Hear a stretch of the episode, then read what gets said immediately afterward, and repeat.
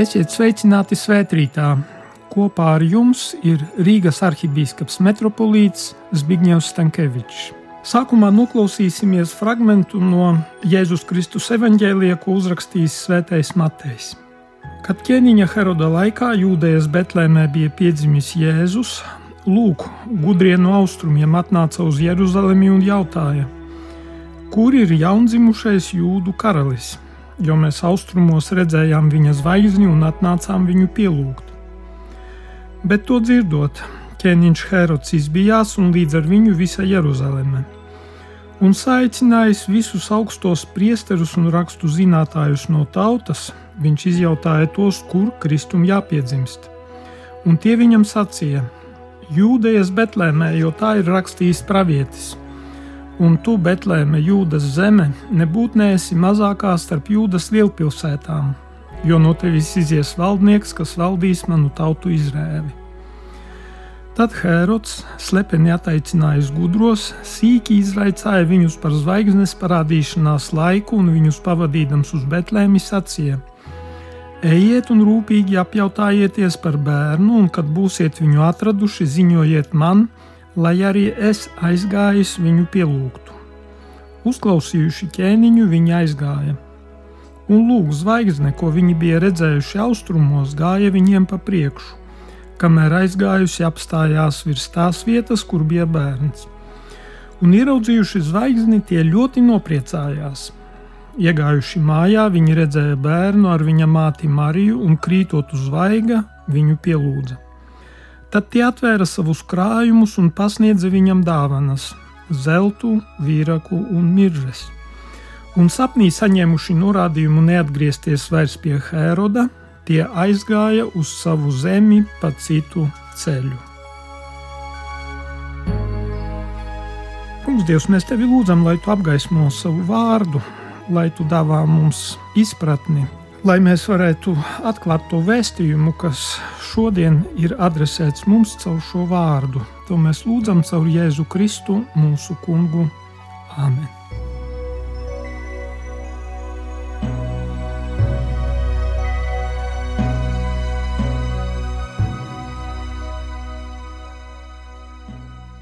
Reti kāds Bībeles stāstījums rosinājis fantāziju un pārdomas tik ļoti, kā stāstījums par magiem no saulēkta zemes. Kas tie bija par vīriem, ko Matejs sauc par magiem no saulēkta zemes? Tad, kad šie dieva meklētāji ir ieradušies iedomātajā apsolījuma vietā, ķēniņa pilī Jeruzalemē, viņi vaicā par jaundzimušo jūdu ķēniņu. Reakcija uz magu jautājumu ir šāda. Hērods ļoti uztraucās, un visa Jeruzaleme līdz ar viņu. Svēto rakstu pētnieki norāda, ka Heroda izbīlis saistībā ar ziņu par noslēpumaina troņa pretendenta dzimšanu ir ļoti saprotams, jo viņš ir varaskārs, ļoti aizdomīgs pret visiem un vēlas nolikvidēt visus konkurentus, ko viņš arī jau bija darījis. Un, lai noskaidrotu sev ārkārtīgi bīstamo jautājumu par troņa pretendentu, Hērods sapulcināja visus tautas virspriesterus un rakstu zinātājus. Tāda sapulcēšana un tās nolūks nevarēja palikt nezināmi. Mesijāniska ķēniņa šķietama vai reāla piedzimšana Jeruzalemes iedzīvotājiem šai situācijā varēja nest tikai nepatikšanas un likstas. Galu galā Jeruzalemes iedzīvotāji labi pazina Herodu. Tas, kas lielajā ticības perspektīvā ir cerības zvaigzne, kā mēs redzam, šai ikdienas dzīves perspektīvā, ir pirmām kārtām tikai traucēklis, iemesls raizēm un bailēm. Un patiešām mūsu apmierināto ikdienību Dievs traucē. Un kādu tad atbildi augstā sapulce deva uz jautājumu, ko uzdeva Hērods? Nu, tā atbildēja ar izteikumu, kas ir veidots no pravieša Mihas vārdiem un Samuēla otrās grāmatas. Un tu, Betlēme, Jūdas zemē, tu nebūtu nēsi mazākā Jūdas galveno pilsētu vidū, jo no tevis nāks valdnieks, kas ganīs manu tautu Izrēli. Tātad virspriesteru un rakstu zinātāju atbilde uz gudro vīru jautājumu ir ļoti precīza, tā ir pareiza, un tas magiem arī palīdz tālākajā ceļā. Nu, izbrīna tas, ka svēto rakstu zinātāji paši nejūtas mudināti doties ceļā. Jā, varbūt šeit mēs varam saskatīt tādas teoloģijas tēlu, kura aprobežojas tikai ar akadēmisku disputu. Nu, tā tad, kā reaģē dažādās šīs mūsu galveno varoņu kategorijas? Hērods ar aizdomām, un pie tam viņš ir liekulis. Viņš saka, es gribu aiziet, pēc tam atdot godu šim bērnam, bet patiesībā viņš pēc tam nosūta slepkavas, kas noslepkavo visus bērnus tajā apvidū līdz divu gadu vecumam. Tālāk virspriesteri un rakstu zinātāji, jā, un arī visa Jeruzaleme, kura ir ļoti ticīga, nobīstas. Viņi pārsteigti, viņi baidās iziet no savas komforta zonas šai situācijā. Jā, bet tagad pievērsīsimies šiem gudrajiem vīriem, kuri grieķu valodā ir apzīmēti kā magoji, jeb viņus tūko kā magi. Un tam ir ļoti plašs nozīmes lokus, kas sniedzas no pavisam pozitīvas līdz pavisam negatīvai nozīmei. Četras galvenās nozīmes tur ir. Pirmajā nozīmē maģi ir Persijas priesteru kārtas locekļi, un helēnistiskajā kultūrā viņi ir bijuši noteiktas reliģijas pārvaldītāji un viņu reliģiskos priekšstatus vienlaicīgi esot spēcīgi iespaidojis filozofiskais mantojums. Un tā kā grieķu filozofi daudzkārt atainoti kā viņu skolnieki. Izrādās, ka pat Aristotelis ir runājis par magu filozofisko darbību. Nu, citas nozīmes ir šādas, ka viņiem ir pārdabiskas zināšanas un prasmes, viņi varēja būt arī burvī. Un visbeidzot, pēdējā nozīme ka tie ir pievīlēji un pavedēji. Un apstuļu darbos mēs tieši atrodam šo pēdējo nozīmi. Kāds maks vārdā Bar Jēzus, Svētais Pāvils viņu nosauc par vēlna bērnu, jeb kādas taisnības ienaidnieku. Un maga jēdziena divējādība, ko mēs te sastopam, parāda reliģiozitātes kā tādas divējādību. Ka tā var kļūt par ceļu pie patiesās atziņas, par ceļu pie Jēzus Kristus, Taču tur, kur tā neatveras viņa klātbūtnei, bet nostājas pret vienīgo dievu, tā kļūst demoniska un destruktīva. Tātad jaunajā derībā mēs sastopam abas šī vārda maks nozīmes. Svētā Mateja sniegtajā stāstā mēs redzam, ka tā reliģiskā un filozofiskā gudrība, kas viņiem piemīt, tā ir spēks, kas cilvēku ved pa ceļu pie Kristus. Turpretī apstuļu darbos mēs redzam maga otro pusi. Savu varu viņš vērš pret Jēzus Kristus sūtni un tādējādi nostājas dēmonu pusē. Vīnes astronoms Konradīns Ferrari Dokjepo parādījis, ka Jēzus laikā jau brūkošajā Babilonas pilsētā, kas reiz bija zinātniskās astronomijas centrs, vēl pastāvēja neliela, pamazām izmirstoša zvaigžņu pētnieku grupa. Un e, viņš raksta, ka Jupitera un Saturna konjunkcija, jeb no Zemes novērotāja skatu punkta šo planētu redzamā satuvināšanās, ka tā notika 7. vai 6. gadā pirms Kristus. Un kā mūsdienās tiek pieņemts, ka tieši tas bija gads, kad piedzima Jēzus Kristus, ka babiloniešu astronomi to esot varējuši aprēķināt, un tā viņiem esot norādījusi uz jūdu zemi un jaundzimušo jūdu ķēniņu. Tātad tie cilvēki, kas devās ceļā pie ķēniņa, tie varēja būt astronomi. Bet ne visi, kuri spēja aprēķināt šo planētu satuvināšanos un to redzēja, nu, uzreiz varēja to sasaistīt ar ķēniņu jūdejā. Lai zvaigzne varētu kļūt par vēsti, apritē bija jābūt kādam apsolījumam. Un no Tacita un Svetonija, no romiešu vēsturniekiem, mēs zinām, ka tajā laikā pastāvēja gaidas, ka no jūdejas celsies pasaules kungs. Šīs gaidas Josefs Flāvijs piemēram, attiecināja uz Vespasiānu, uz imperatoru. Tātad kopā te varēja darboties dažādi faktori, lai caur šo zvaigzni šie gudrie vīri varētu atpazīt cerības vēsti un mudinājumu doties ceļā. Tātad, lai dotos ceļā, viņiem vajadzēja būt iekšā kādam nemieram. Viņi bija cerības cilvēki. Viņus neapmierināja tā ikdiena, kurā viņi bija. Viņi bija labi situēti, viņi, cik var saprast, bija bagāti cilvēki, cienīti savā vidē. Un tad, kad viņi atnāca uz Jeruzalemi, kuru katru jau ķēniņš nepieņēma un ar kuru katru jau nerunāja tie mācītie svēto rakstu eksperti. Tātad šie vīri, par kuriem runā Matejs, viņi nebija vienkārši zvaigžņu tulki. Viņi bija gudrie, viņi pārstāv reliģiju iekšējo spraigumu, šo pagānisko reliģiju iekšējo spraigumu, kas liek tām sniegties sev pāri, kas ir meklējums pēc patiesības, meklējums pēc patiesā dieva. Un mēs zinām, ka šī ir arī vārda filozofija, sākotnējā nozīme, tātad meklējums pēc gudrības. Tātad mēs redzam, ka gudrība dziedina arī zinātnes vēsti. Tātad šīs vēsts racionalitāte neaprobežojās tikai ar atsevišķām zināšanām, bet viņi centās saprast visu kopumā.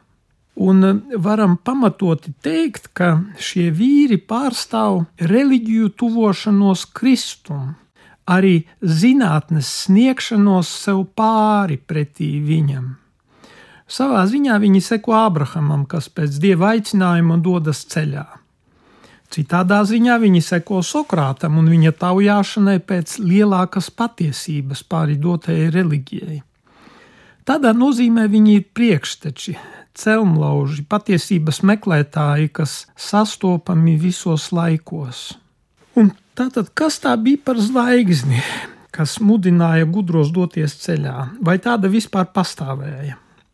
Nu, nevarēja neparādīties jautājums, vai tā tomēr nav bijusi astronomiski tverama un klasificējama debesu parādība. Johannes Keplers, slavenais astronoms 17. gadsimtā, kas dzīvojis, viņš piedāvājis risinājumu, kuru būtībā atbalsta arī mūsdienu astronomi. Keplers aprēķināja, ka jau minētajā 7. un 6. gadā pirms Kristus notikusi Jupitera, Saturna un Marsa konjunkcija. Un e, tā varēja būt tā zvaigzne. Un interesanti, ka Jupiters babiloniešiem simbolizēja galveno dievību Marduku, un jau minētais Okjepo rezumē. Jupiters, babiloniešu augstākās dievības zvaigzne, savā lielākajā spožuma pakāpē vakarā uzlēca līdzās Saturnam, jūdu tautas kosmiskajam simbolam.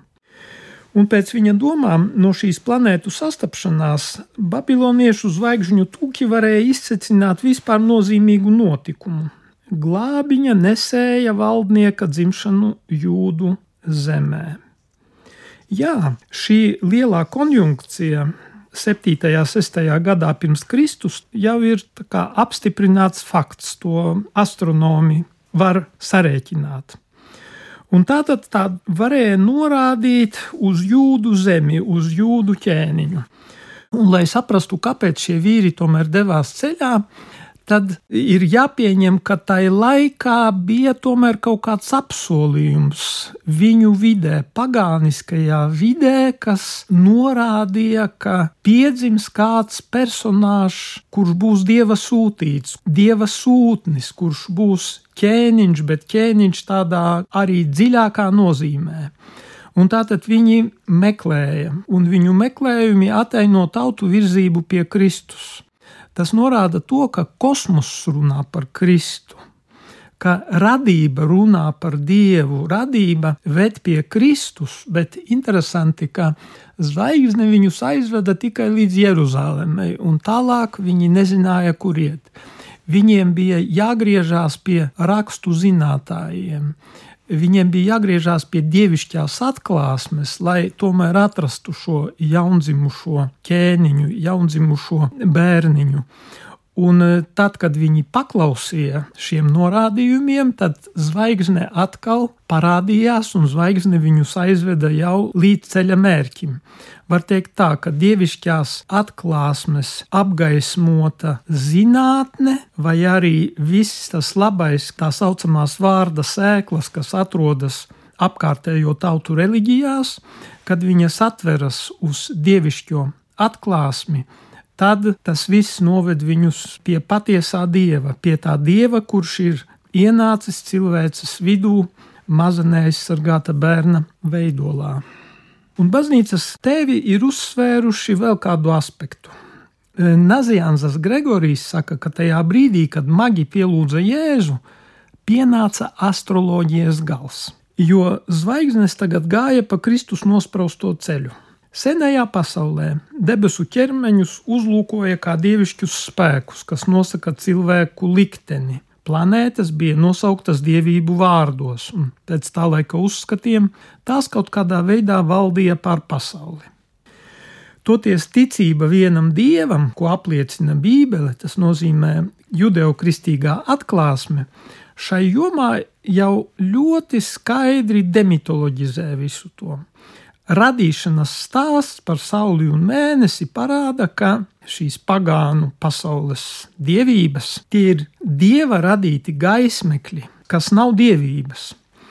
Un e, līdz ar to astroloģija zaudē savu spēku, savu autoritāti, savu ietekmi. Un tad, kad gudrie vīri atnāk pie Jēzus, tad e, pirmkārt viņus pārņēma milzīgs prieks kad viņi atkal ieraudzīja zvaigzni un kad ienāk pie Jēzus bērna.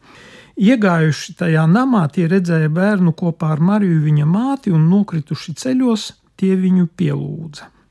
Tātad ķēniņa bērna priekšā gudrie metas uz vaiga, metas pie zemes. Tas saucās veids proskinēzi. Tā ir tāda pielūgšana, ko izrāda dievišķam ķēniņam. Un tas arī izskaidro gudro pienestās dāvanas. Tās nav praktiskas lietas, kas svētējai ģimenei šajā brīdī droši vien būtu noderējušas.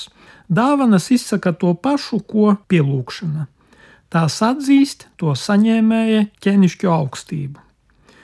Un baznīcas tradīcija ar dažādām variācijām šajās dāvanās atradusi atspoguļotus trīs Kristus noslēpuma aspektus.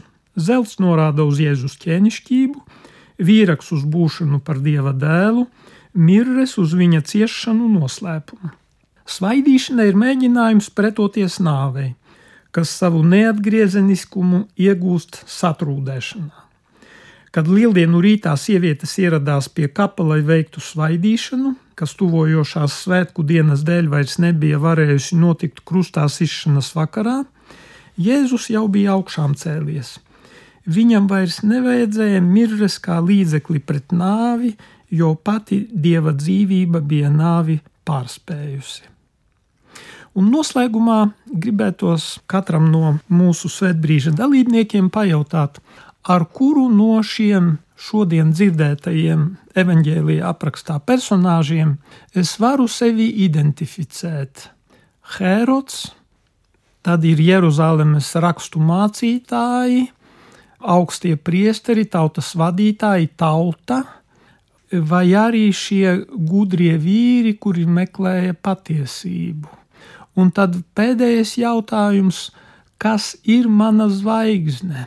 Jo zvaigznei, jā, toreiz tur bija gan burtiskā, gan arī tā garīgā, teoloģiskā nozīme. Kas ir manas dzīves zvaigzne? Dievs katram ir devis savu zvaigzni, lai atvestu cilvēku pie sevis no atbildes uz šiem jautājumiem ir atkarīgs, vai mēs satiksim šo jaundzimušo ķēniņu, vai arī mēs turpināsim staigāt savus ceļus, un sirdī tad bieži vien pietrūks prieka. Lai šis prieks, kas bija šo austrumu gudro sirdīs, ienāk arī mūsu sirdīs. thank you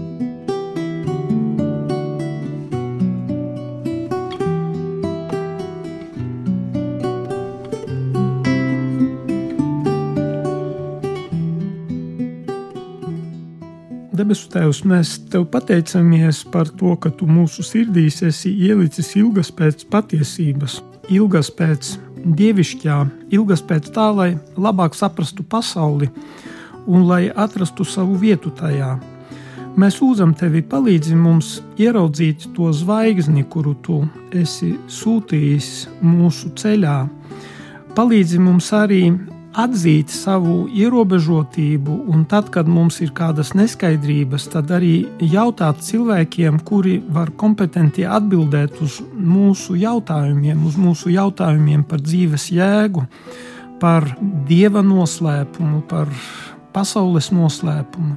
Mēs tevi lūdzam, Kungs, dāvā mums atvērtas sirdis, lai mēs līdzīgi šiem austrumu gudrajiem dotos ceļā un lai arī atrastu mūsu ceļa mērķi, lai mēs sastaptos ar tevi gan šajā dzīvē, gan arī pārkāpjot mūžības slieksni, un lai mums nebūtu no tevis jābaidās, lai mēs atveramies uz tavu klātbūtni, kas ir pārpilna mīlestības un kas dod atbildes uz mūsu galējiem jautājumiem.